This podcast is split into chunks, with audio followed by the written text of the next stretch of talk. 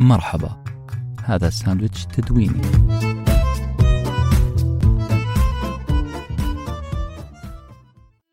نظرة جديدة في الحزن الإحباط والقلق. فهد في الأصل شخص مرح عرفته من سنين كذا. لكن في آخر لقاء بيننا كان حزين جدا. حزين بسبب تجربة حصلت له قبل سنة تقريبا. الرجل كان متيقن بأن آثار هذه التجربة سلبية تماما قاعدة تلعب دور كبير في حياته إلى اليوم. منى قريبة لي ورغم النشاط والتفاؤل اللي أعرف عنها تعاني الآن من إحباط كثير من الإحباط والسبب ظروف عائلية تحصل لها الآن. هي تشوف أنها سجينة هذا الإحباط اليوم واحتمال كبير بكرة. كذلك مالك زميل عمل كان هو صانع لعب الجلسات. هو اللي يفتح المواضيع الجميلة ويدير الحوار ويضيف نكهة لكل سالفة تنقال. لكنه اليوم منهك. منهك بسبب وفاة والده ووالدته. كذلك هو مستنزف القوة بسبب مجهوده اللي وضعه في مشروع ما. لكن هذا المشروع لم يكتب له النجاح. خسارة مدخراته إثر هذا المشروع مأثر عليه كثير. تغيرت معادلة الحياة في عيونه.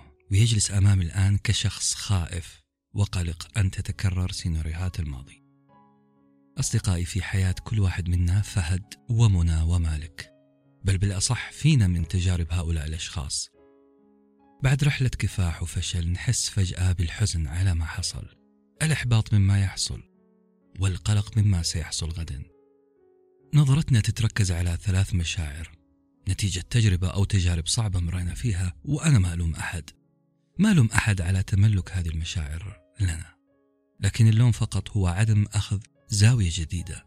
نرى من خلالها هذه التجارب. بودكاست اليوم ما هو عصا سحرية تغير لك الوضع الراهن بل التفاف بسيط لمسافة هي الأبسط. عشان ننظر إلى أحداث حياتنا من زاوية مختلفة نوعا ما. معكم أنس بن حسين وبودكاست تدويني.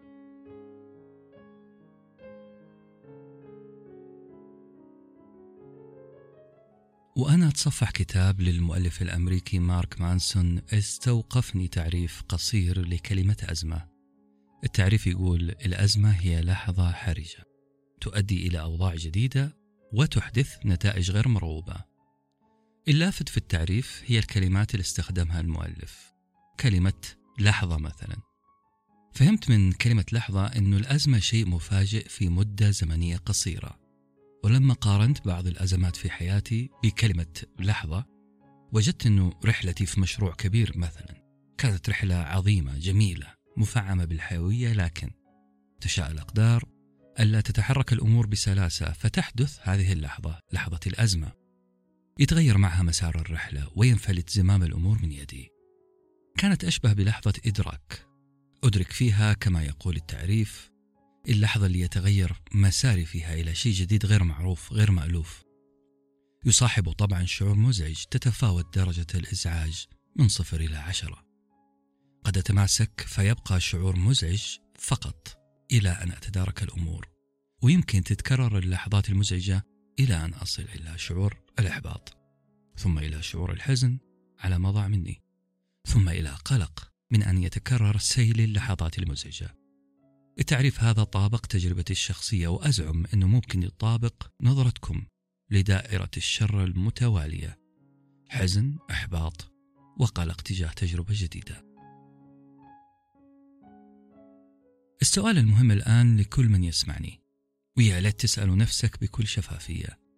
هل أنا هو نفس الشخص قبل وبعد التجربة السيئة؟ بعد الأزمة. هل أنت نفس الشخص؟ أتمنى تكون الإجابة مبدئيا بنعم أو لا والأكيد اللي أنا متأكد منه. إن الإجابة لا. مستحيل أن أظل أنا هو أنا بنفس حالتي بعد فشل مشروعي بعد إخفاقي في اجتياز اختبار التخصص مثلا بعد علاقة لم تنجح مع شخص كنت أعتقد بأنه الشخص المثالي ليكون شريك حياتي. حتما هناك تغيير في شخصيتي في مبادئي وبعض قيمي ونظرتي في الحياة. خلونا ننطلق من فكرة أنه في تغيير يصبح في الأنا. الأنا الخاصة فيني بعد أي تجربة سيئة وأسأل السؤال الأهم الآن. هل وجودي ووجودك في الحياة هدفه النهائي؟ أن أبقى كما أنا ولا أني أتغير؟ هل معيار النجاح عندي وعندك؟ هو أني أحافظ على الأنا كما هي ولا الأنا راح تتغير؟ بالطبع طبيعة الكون والإنسان هي التقدم للأمام والتغيير للأفضل. إذا فكرة أن حياتي تغيرت بعد تجربة سيئة في أصلها وأساسها ما هو شيء خطأ. بل يتماشى مع طبيعتنا كبشر وطبيعة سير الحياة. ممتاز. إذا الآن والمهم جدا جدا جدا التغيير حاصل أوريدي إلى أي اتجاه سيحصل التغيير؟ معظم نظرتنا للتجارب السيئة تقول أنه الاتجاه للأسوأ والدليل هو شعور الحزن الإحباط والقلق اللي صار جزء من شخصيتنا. موافقين معي للآن؟ مرة حلو نجي للزاوية الجديدة اللي من المفترض أنه إحنا نشوف فيها هذه التجارب هل من المفترض أنه نخرج بتجاربنا السيئة بثلاث مشاعر سلبية فقط؟ ولا فيه وجه آخر للتجربة الفاشلة إحنا ما إحنا قادرين نشوفه عشان أبسط هذا الموضوع خلوني أرجعكم 33 سنة لورا عام 1989 أقيمت بطولة كأس العالم للشباب في السعودية. توزعت مباريات المجموعات على أربع مدن سعودية الرياض جدة الدمام والطائف. فاز المنتخب البرتغالي بالبطولة بعد ما فاز على المنتخب النيجيري بهدفين للا شيء. من مفارقات هذه البطولة أن المنتخب السعودي كان في أصعب مجموعة في مجموعة الفريقين اللي لعبوا النهائي السعودية والبرتغال ونيجيريا وتشيكوسلوفاكيا في مجموعة واحدة. الغريب أن السعودية فازت على بطل البطولة البرتغال فزنا عليهم 3-0 زي ما عملنا في بطولة كأس العالم في قطر فزنا على البطل الأرجنتين. المهم أني كنت أتفرج على تدريبات المنتخب النيجيري. كان في التدريبات شيء غريب. الكورة اللي يتدرب عليها لاعبي نيجيريا ثقيلة جدا. شكلها وحركتها مختلفة عن الكرة اللي نعرفها. كنت صغير أيامها وتساءلت عن اللي صاير. الجواب كان أنه لاعبي نيجيريا ولغرض تقوية شوتاتهم وتقوية عضلات الساقين والفخذ كانوا يتدربون على التصويب بكرة مملوءة بالرمل. كورة مليانة رمل ولاعبين نيجيريا يتدربون على هذه الكورة والنتيجة كانت واضحة. كان النيجيريين يصوبون من أي مكان في الملعب وكانوا يلعبون جولف وبغض النظر عن حقيقة كرة الرمل هذه وجدت أنه فكرة التمرين كمفهوم هي أن تضع نفسك في ظروف غير اعتيادية عليك. أعلى من مستوى تحملك. والهدف أنك توصل لمرحلة أبعد مما أنت عليه. مفهوم التدريب مفهوم مركب. مركب من عناصر وأهم هذه العناصر هو التغيير. تغيير حالي في ظروفك عشان يتغير فيها تفكيرك قوتك البدنية والعقلية وتعاملك مع واقع قادم. وفي مثال نيجيريا وتمارينهم المزعجة كنت أقول أنه شيء أشبه بالجنون. شيء أشبه بالتعذيب. كانوا يضعون نفسهم في ظروف مزعجة للغاية عشان يحصلون على التغيير في عقل وبدن كل لاعب. بالتالي عندما يواجهون الوضع الراهن اللي هو المباراة يكونون على أتم جاهزية ويتجاوزون هذا الواقع بنجاح.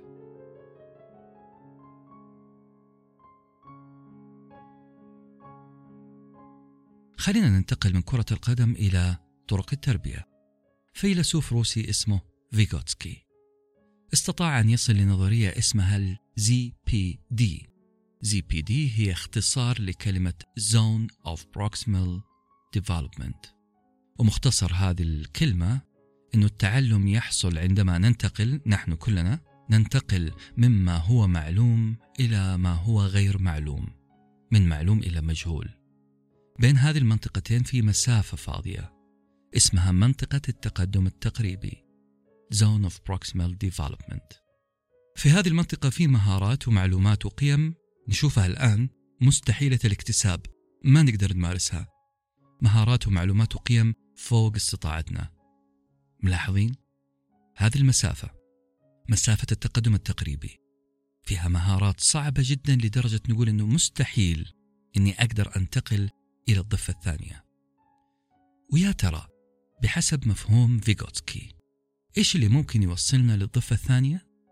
الجواب في كلمة واحدة التدريب.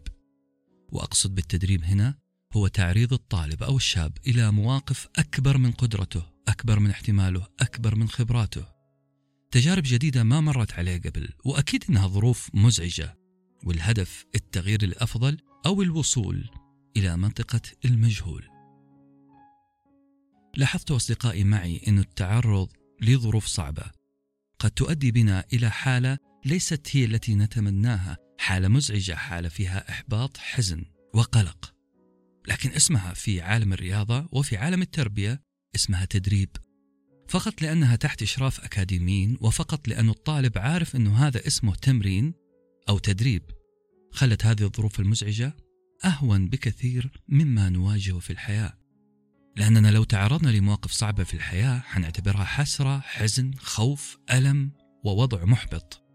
فقط لأنه هذه حصلت بعيد عن جو الأكاديمية والتدريب. فقط لأن نظرتنا لا ترينا هذه الظروف الصعبة كجزء من تدريب الحياة. عشان نتغير ونتطور. طيب أصدقائي خلونا نطلع من جو النظريات خلونا نطلع من قصص القديمة وننظر للواقع. زور أي نادي رياضي زور أي جيم. شوف كمية الصراخ والتأوهات والمعاناة التي يعيشها المشتركين. لكن حتشوف برضو ابتسامات على وجوههم. رغم أنهم في معاناة حقيقية رغم أنهم يعرضون أجسادهم لمواقف قاسية من أجل نتائج أفضل إلا أنهم مبتسمين. لأن النتيجة النهائية هي جسم أقوى لأنه اللي يسوونه الآن تدريب وليس معاناة. لو كان نظرك بقوة أشعة إكس ونظرت إلى أجساد هؤلاء المتدربين في النادي. راح تشوف تمزقات في كل عضلة تشققات في كل عضلة وهذه معاناة. لكن النتيجة واحدة جسم أقوى وأفضل. في النهاية كل هذه المعاناة تدريب نظرتنا لها تدريب. طيب زور واحدة من معسكرات الأندية. تجدهم يلعبون على أرضية رملية أو داخل مياه مسبح. تجدهم يعملون تمارين مقاومة. ملاحظ كلمة مقاومة؟ كل هذه شكل من أشكال المعاناة أو التعذيب لو حبيت تعتبرها تعذيب لكن إحنا نعتبرها تدريب الهدف هو وضعك في ظروف صعبة من أجل من أجل صقلك تجهيزك للحقيقة القادمة للواقع القادم إنك تقدر تتعامل بشكل أفضل وأحسن مع ما سيمر عليك من ظروف غير اعتيادية. الشاهد واللي بوصل له هنا إنه نظرتنا للتجارب الصعبة لازم تتغير. مو لازم لأنه النظريات تقول كذا لأ. لازم لأنه هذه دروس حياة مجانية. هي دروس منهكة وقاسية نعم، لكن يجب أن ننظر لها كحصص تدريبية أحتاج أخذها. وأحتاج أخذ منها ما يفيدني. طبعا أنت مو أنت بعد الحصص التدريبية. جسمك راح يكون أفضل نعم لكن برضو عندك مشاعر حزن معينة تعب معينة إنهاك. أنت أقل انطلاق للحياة ممكن طبيعي. أنت راح تتغير في كل الأحوال. قد يكون هذا على حساب مزاجك بعض الشيء وقتك. لكن هذا التغيير هو ما نسميه نضج.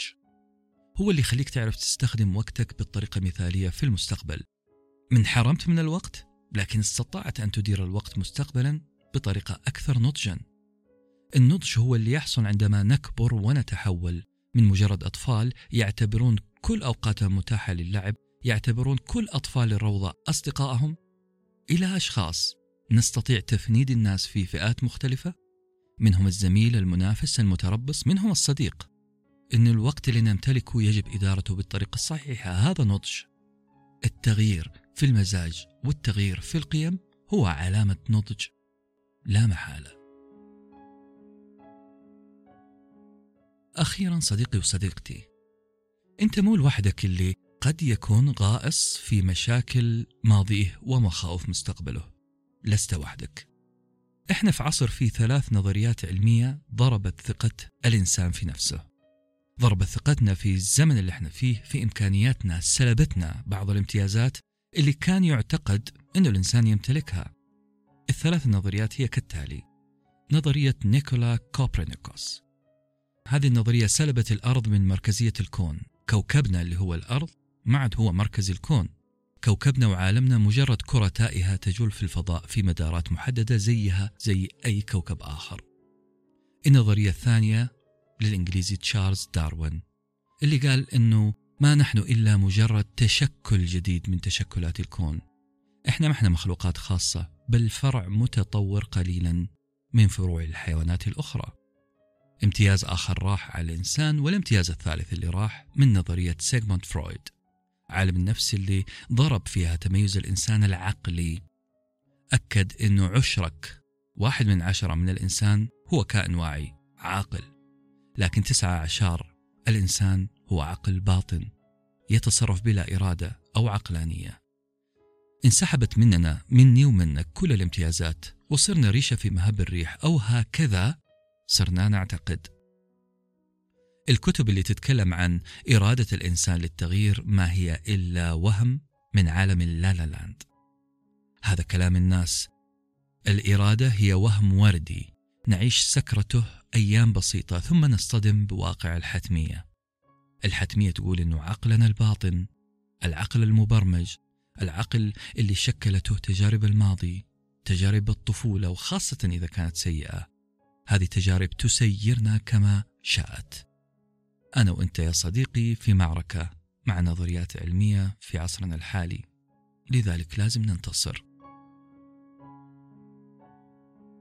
صديقي وصديقتي المستمعة أنا لا أتحدث على أساس إنكم سوبرمان. أنتم منتم رجال خارقين أو نساء خارقات. أنتم مو أشخاص تمر عليكم التجارب بلا حزن أو إحباط أو قلق. أنا أتحدث عن نظرتك لهذه المشاعر. هي مشاعر حقيقية ملازمة للتجارب نتيجة طبيعية لتجارب صعبة خضناها. اللي أطلبه فعلا هو إعادة النظر إلى تجاربك الغير موفقة في علاقاتك المسمومة مثلا في الفشل الذريع اللي عشته. لازم تنظر لها على أنها دروس حصص تركت فيك آثار سلبية وإيجابية. كونك أصبحت شوية سوداوي تجاه بعض أمور الحياة إنه يغمرك الحزن بطريقة ما ما يلغي أنه التجارب صقلتك قننت قراراتك أضافت لموسوعتك المعرفية والقيمية شيء كثير. أنا ماني مع المدرسة النفسية الفرويدية اللي تقول أنت صنيعة ماضيك وستتصرف بناء على هذه المعطيات بلا إرادة. أنا من أتباع نظرية ألفريد ألدر. النظرية النفسية اللي تقول نعم أنت عشت ماضي وهذا الماضي شكل شخصيتك لكن إرادة التغيير بين يديك في كل لحظة. المصاعب حتمية في الحياة نعم. لكن نظرتك لهذه المصاعب قراراتك اختيارية. اعتبر ما حصل تدريب. انوي التغيير للأفضل وستصبح الأفضل بكل إرادة. كان معكم أنس بن حسين في بودكاست تدويني وفي أمان الله.